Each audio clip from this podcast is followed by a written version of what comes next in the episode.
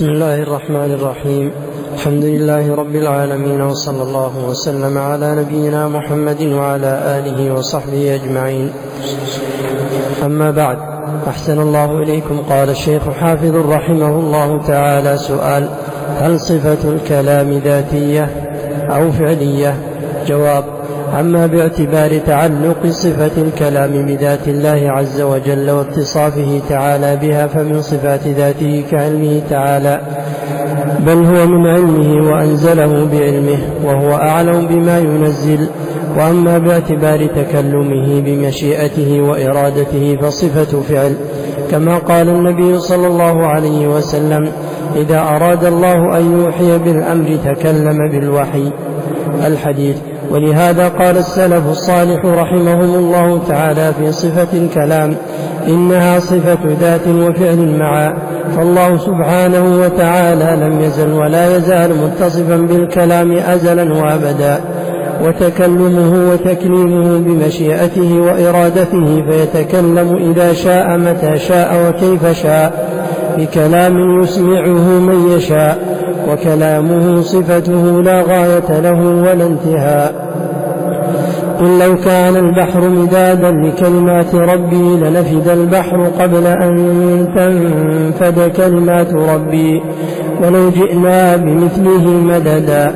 وقال تعالى ولو أن ما في الأرض من شجرة أقلام والبحر يمده من بعده سبعة أبحر ما نفدت كلمات الله.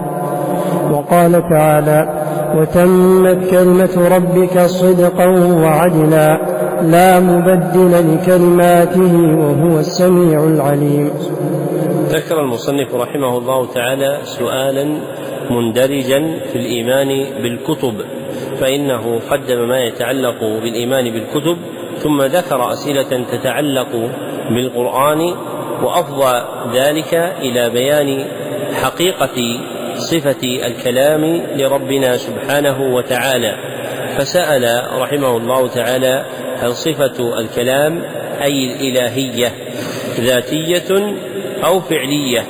وأجاب عنه بقوله أما باعتبار تعلق صفة الكلام بذات الله عز وجل واتصافه تعالى بها فمن صفات ذاته كعلمه تعالى بل هو من علمه إلى آخر ما ذكر. فبين في صدر جوابه أن صفة الكلام تكون ذاتية باعتبار كونها متعلقة بذات الله عز وجل.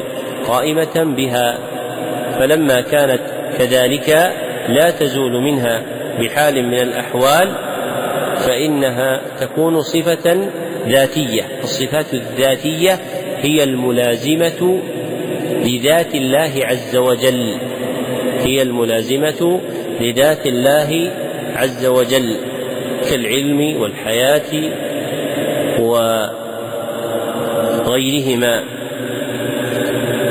ثم ذكر رحمه الله تعالى أنها تكون صفة فعل وبين وجه ذلك فقال باعتبار تكلمه بمشيئته وإرادته فصفة فعل.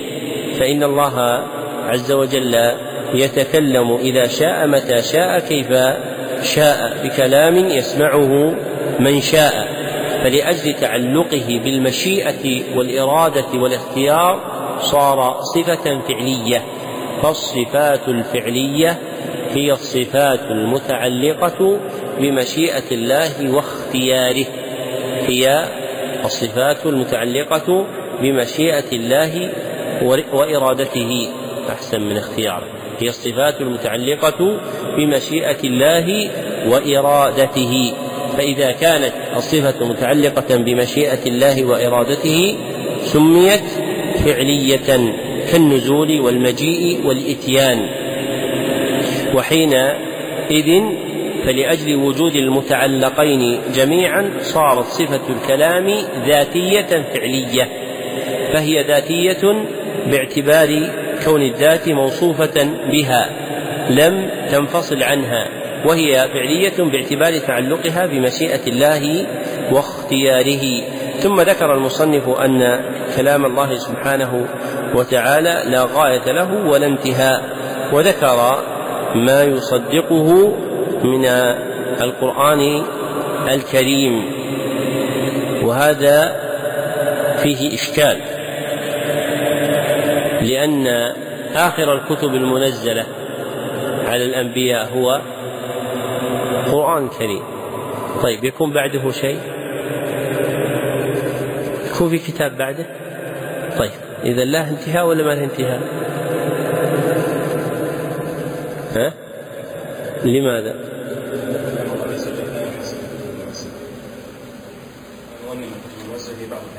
أي أي كلام ما ينحصر إلا في كتب المنزلة يعني الآن لو جانا واحد وقال هتف بي هاتف إلهي نصوم الخميس القادم. تقول كلمات الله ما تنحصر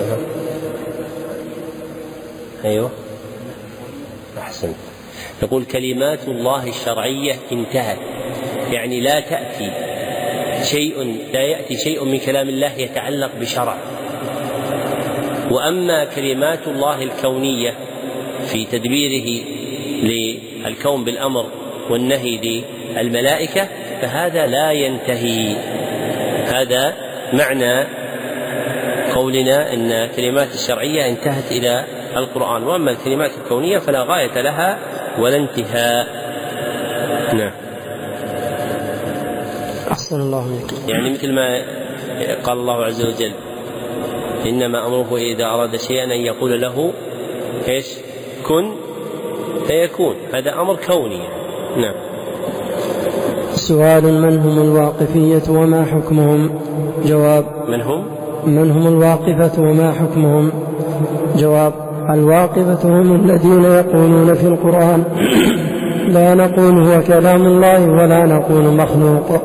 قال الإمام أحمد رحمه الله تعالى من كان منهم يحسن الكلام فهو جهمي ومن كان لا يحسنه بل كان جاهلا جهلا بسيطا فهو تقام عليه الحجة بالبيان. عندكم بعد فهو جهمي. طبعا جديدة في قوس. قاصر القوس وين؟ آخر الجملة. طيب إيش رأيكم؟ هل الكلام هذا يجي عن الإمام أحمد؟ قال ومن كان لا يحسنه بل كان جاهلا جهلا بسيطا. يأتي عن أحمد؟ لا لأنه ما يعرفون هذه التركيبات جهل بسيط جهل مركب. ولذلك هذا القوس خطأ. الصواب من كان منهم يحسن الكلام فهو جهمي. هذا كلام الإمام أحمد إلى هنا انتهى. كما أخرجه الإمام عبد الله في السنة وغيره. والعجيب أنه عزاه له ولكن ما رفع القوس. نعم. أحسن الله. نعم. فهو تقام عليه الحجة بالبيان والبرهان فإن تاب وآمن بأنه كلام الله تعالى غير مخلوق وإلا فهو شر من الجهمية. لما بين المصنف رحمه الله تعالى ما سلف من حكم من قال بخلق القرآن في سؤال متقدم إذ قال ما حكم من قال بخلق القرآن ثم بين حكمه بالكفر والردة أورد سؤالا عن طائفة أخرى لم تقل إن القرآن مخلوق. وهذه الطائفة تسمى الواقفة وقد سأل عنهم وعن حكمهم ثم أجاب بقوله الواقفة هم الذين يقولون في القرآن لا نقول هو كلام الله ولا نقول مخلوق وأحسن من هذا في بيان مذهبهم ما جرى عليه المصنف في معارج القبول وهو المشهور في كتب العقائد أن الواقفة هم الذين يقولون لا نقول القرآن مخلوق ولا غير مخلوق لا نقول القرآن مخلوق ولا غير مخلوق هؤلاء هم الواقفة. فهم يزعمون الوقف في الحكم على القرآن الكريم. وهم الذين أشار إليهم ابن أبي داود في الحائية بقوله ولا تكو ولا تك في القرآن بالوقف قائلا كما قال أتباع لجهم وأسجحوا وبين حكمهم نقلا عن الإمام أحمد أنه قال من كان منهم يحسن الكلام فهو جهمي أي من كان منهم يحسن علم الاعتقاد الجدلي العقلي المسمى بالكلام فهو جهمي. فالمراد بالكلام هنا العلم الذي تواطؤوا على تسميته بذلك وهو علم تبين به الحقائق العقدية بالدلائل العقلية والأقيسة الجدلية. فمن كان منهم يعرف علم الكلام فهو جهمي لأنه متستر بهذه الدعوى فإن وقفه يؤول إلى منع كونه صفة لله عز وجل وهم لم يريدوا في قولهم القرآن مخلوق إلا نفي صفة الكلام عن الله عز وجل. والواقف ممتنع عن الحكم بأن الكلام من صفات الله عز وجل فهو ملحق بهم تبعا. ثم ذكر المصنف رحمه الله تعالى حكم من يقابله وهذا ليس من كلام الإمام أحمد. وانما من كلام المصنف أو من كلام غيره ممن نقل عنه بأن من لا يحسنه أي لا يحسن علم الكلام بل كان جاهلا جهلا بسيطا فهذا تقام عليه الحجة بالبيان والبرهان ويبين له أن القرآن كلام الله غير مخلوق فإن تاب وآمن بأنه كلام الله غير مخلوق إلا فهو شر من الجهمية لأن الجهمية صرحوا وبينوا وهذا أخفى مقالته ودلس على الناس فشره أعظم لأن الذي يدلس الباطل يفسد في الناس أكثر ممن يصرح لهم. فإن النفوس مجبولة على النفرة من الباطل المصرح به وإذا موه عليها الباطل ربما قبلته. فإذا تكلم متكلم بباطل رده الناس. فإذا موه عليهم ولبس بحق ربما قبلوه. ولما علم هذا دعاة الشرور من الأهواء والبدع والمنكرات جعلوا هذا جادتهم القديمة إلى يومنا هذا. كما قال ابن القيم رحمه الله تعالى في إغاثة اللهفان كل صاحب باطل لا يتمكن من إخراجه إلا في قال بحق انتهى كلامه. كل صاحب باطل لا يتمكن من إخراجه إلا في قال بحق أي لا يتمكن من إظهاره بين المسلمين إلا في قال بحق فيبدأ أول ما يبدأ يظهر للناس خيرا وهو يبطن خلافه فيأخذهم شيئا فشيئا إما في شهوة أو في شبهة. وهذا واقع اليوم. فإن كثيرا من الناس يتسترون بالحق وهم يروجون للباطل. يميز هذا من جعل الله عز وجل له بصيرة سواء من دعاة الشهوات أو دعاة الشبهات. ولهذا ينبغي أن يكون طالب العلم في حصن حصين من تمويهات المموهين وأن لا يسارع إلى إقرار شيء ومدحه والثناء عليه والمشاركة فيه حتى يرى قول العلماء. لأن العلماء لهم تمييز نافذ فإنهم حقيقون بقول عمر بن عبد العزيز الذي أخرجه أبو داود في كتاب القدر في رواية ابن داسة أنه قال فإنهم عن علم سكتوا وببصر نافذ تكلموا. انتهى كلامه فالسلامة أن يلزم الإنسان جادتهم وألا يغادرها. فكم من إنسان هرع الناس إليه فيما يدعو فما هي إلا سنوات خداعات حتى تبين حقيقة دعوته إما إلى شهوة أو إلى شبهة. ودعاة الشهوات والشبهات في بلاد المسلمين عامة وبلادنا خاصة يلهجون بالأخذ بالقرآن والسنة ومراعاة أحكام الشريعة وتقاليد البلد وآدابه. فالفدم الذي لا يفهم ربما شاركهم مقالتهم ودعا إليها. حتى إذا وقعت الواقعة لم يمكنه التنصل منها وباء بالخسران. وأما العاقل فإنه يتحرز من رشاش هذه المقالات أشد من تحرزه من البول أن يصيب بدنه. ولا يفلح الإنسان حتى يكون عاقلا لقلبه وقدمه عن المسارعة فيما يجيش بين الناس من حال أو مقالة. ملازما طريقة الأوائل. فإنها الحصن الآمن الذي يسلم به الإنسان. نعم. أحسن الله عليكم سؤال ما حكم من قال لفظي بالقرآن مخلوق؟ جواب هذه العبارة لا يجوز إطلاقها نفيا ولا إثباتا لأن اللفظ معنى مشترك بين التلفظ الذي هو فعل العبد وبين الملفوظ به الذي هو القرآن. فإذا أطلق القول بخلقه شمل المعنى الثاني. ورجع إلى قول الجهمية وإذا قيل غير مخلوق شمل المعنى الأول الذي هو فعل العبد وهذا من بدع الاتحادية. ولهذا قال السلف الصالح رحمهم الله تعالى من قال لفظي بالقرآن مخلوق فهو جهمي ومن قال غير مخلوق فهو مبتدع. ختم المصنف رحمه الله تعالى بيان مذاهب أهل الأهواء في القرآن الكريم. بذكر طائفة أخرى سائلا عنها بقوله ما حكم من قال لفظي بالقرآن مخلوق. ثم بين رحمه الله أن هذه العبارة لا يجوز إطلاقها نفيا ولا إثباتا لإجمالها فإن المجمل في العقائد يهمل. المجمل من الألفاظ في العقائد يهمل. معنى يهمل أي؟ يطرح ويترك. ثم بين رحمه الله تعالى وجه الإجمال الواقع فيه وهو كون هذا اللفظ يقع على معنيين. أحدهما أن يكون المراد باللفظ التلفظ الذي هو فعل العبد. والآخر أن يكون المراد باللفظ الملفوظ به الذي هو القرآن. فإذا قرأ الإنسان مثلا قل هو الله أحد ثم قال لفظي في القرآن مخلوق. فإنه ربما يكون المراد الملفوظ وهو قل هو الله أحد.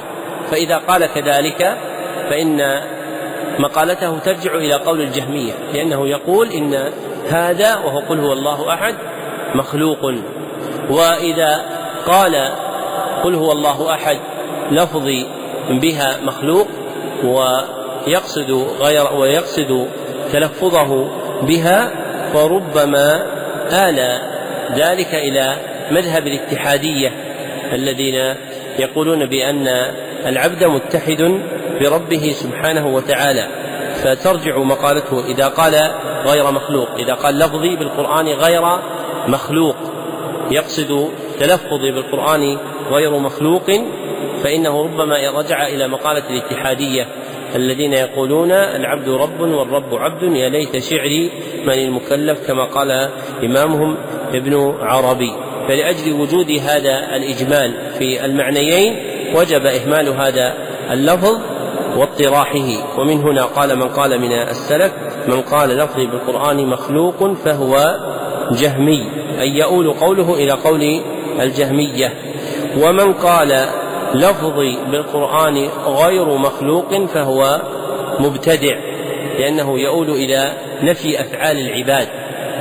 وهذه المسألة تسمى ببدعة لفظية. وقد نسبت إلى البخاري رحمه الله تعالى والبخاري من أبرأ الناس منها كما ذكر ذلك مبسوطا. ابن القيم في الصواعق المرسلة وذكر أن مذهب البخاري من أحسن المذاهب وأبينها فإنه جعل ما لله لله وما للعبد للعبد.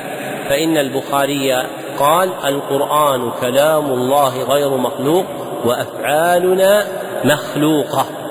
وهذا معنى قول من قال الصوت صوت القارئ والقول قول الباري سبحانه وتعالى. وقرر البخاري رحمه الله تعالى هذا في كتابه خلق أفعال العباد وانتصر له مقدما طريقته ابن القيم في الصواعق المرسلة.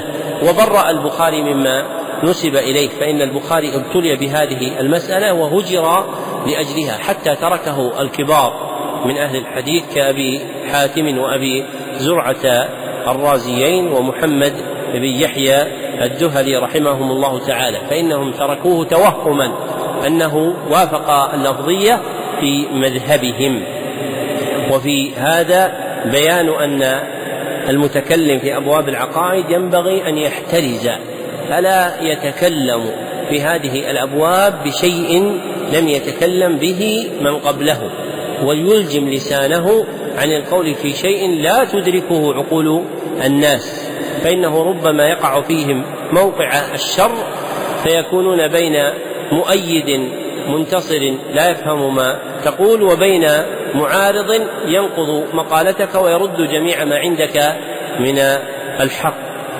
وأنتم ترون أن تصانيف أهل السنة في العقائد غالبها مختصرات موجزة رعايه لهذا الأصل.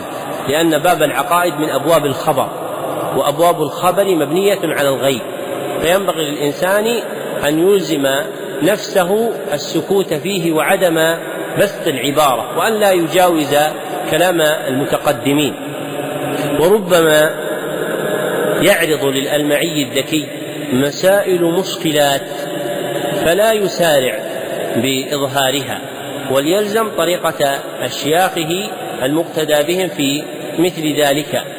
ومن لاحظ تزكية العلماء الماضين للآخذين عنهم في هذا الأصل رأى عجبا فإنه وقع في حديث طويل فإنه مثلا وقع في حديث طويل يأتي إن شاء الله في محله في البخاري إشكال في صفة إلهية.